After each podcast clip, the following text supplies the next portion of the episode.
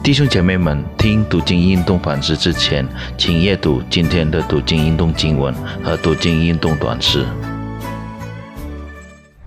主内弟兄姐妹平安，感谢主赐给我们平安和喜乐，让我们在我们的人生道路上时刻能感受到主的爱与主的同在。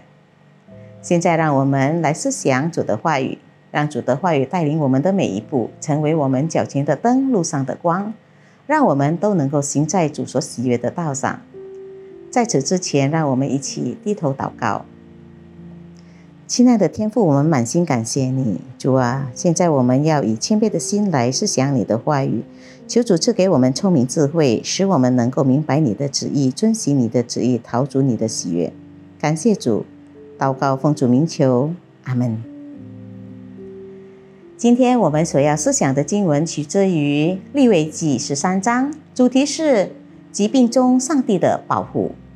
让我们预备我们的心来阅读主的话语，把这段经文读完，然后静下心来思想主的话语。此刻，让我们一起阅读利未记第十三章第一到第八节。耶和华小与摩西、亚伦说：“人的肉皮上若长了疖子，或长了癣，或长了火斑，在他肉皮上成了大麻风的灾病，就要将他带到祭司亚伦或亚伦做祭司的一个子孙面前。祭司要查看肉皮上的灾病，若灾病处的毛已经变白，灾病的现象生于肉上的皮。这便是大麻风的灾病，祭司要查看它，定它为不洁净。若火斑在它肉皮上是白的，现象不生于皮，其上的皮也没有变白，祭司就要将有灾病的人关锁七天。第七天，祭司要查看它，若看灾病止住了。没有在皮上发散，祭司还要将它关锁七天。第七天，祭司要再查看它，若灾病发暗，而且没有在皮上发散，祭司要定它为洁净。原来是癣，那人就要洗衣服，得为洁净。但他未得洁净，将身体给祭司查看以后，癣。若在皮上发散开来，他要再将身体给祭司查看。祭司要查看，血若在皮上发散，就要定他为不洁净，是大麻风。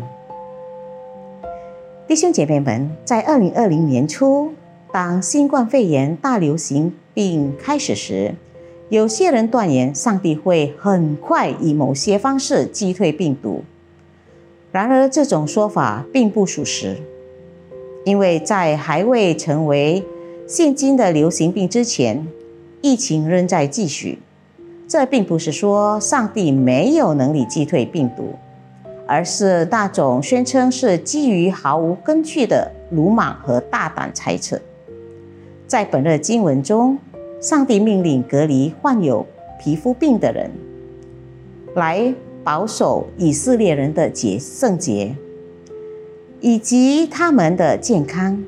患皮肤病的人要到祭司那里接受检查，祭司会查看这个人，以确定他是否患有麻风病。上帝的指示非常明确，所以祭司们不可根据自己的感觉或想法来决定，而是根据上帝的指引。如果一个人得了皮肤病，而且疾病现象不生于皮，祭师就要把他隔离七天。七天之后，祭师要再查看这个人。如果疾病没有扩散，他要再隔离七天。十四天后，祭师再次将查看他。如果疾病没有扩散，甚至有所好转，就宣布他是洁净的，他必须洗衣服。如果疾病蔓延，他就被称为不洁净，并被宣布为麻风病患者。他必须独居在营外，不能与其他健康的人同处呃同住一处。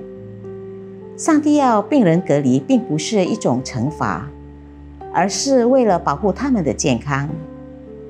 主耶稣没有忽视那些麻风病人，因为他来是要就近他们并医治他们。人类往往不爱病人，而是论断、指责和躲避他们。另一方面，生病的人应该考虑如何防止将自己的病传染给他人。当您意识到自己有病时，不要刻意到处走动和传播病疾病。上帝给了我们一个非常好的指南，而自古以来，这也是人们在处理瘟疫时一直所沿用的。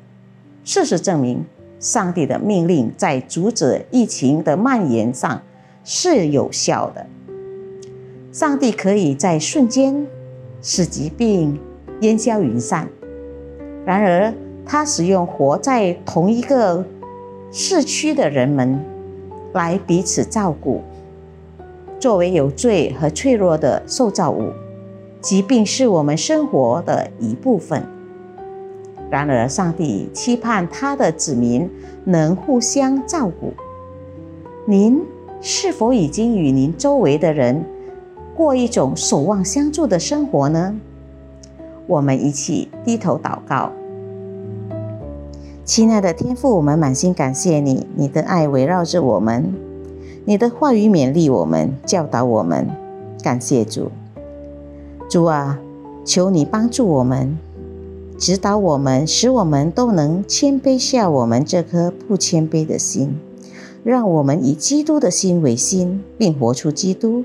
因基督是爱，我们也要彼此相爱。守望相助，使我们都能够逃足喜悦，将一切的荣耀都归于主。感谢主，祷告奉主名求，阿门。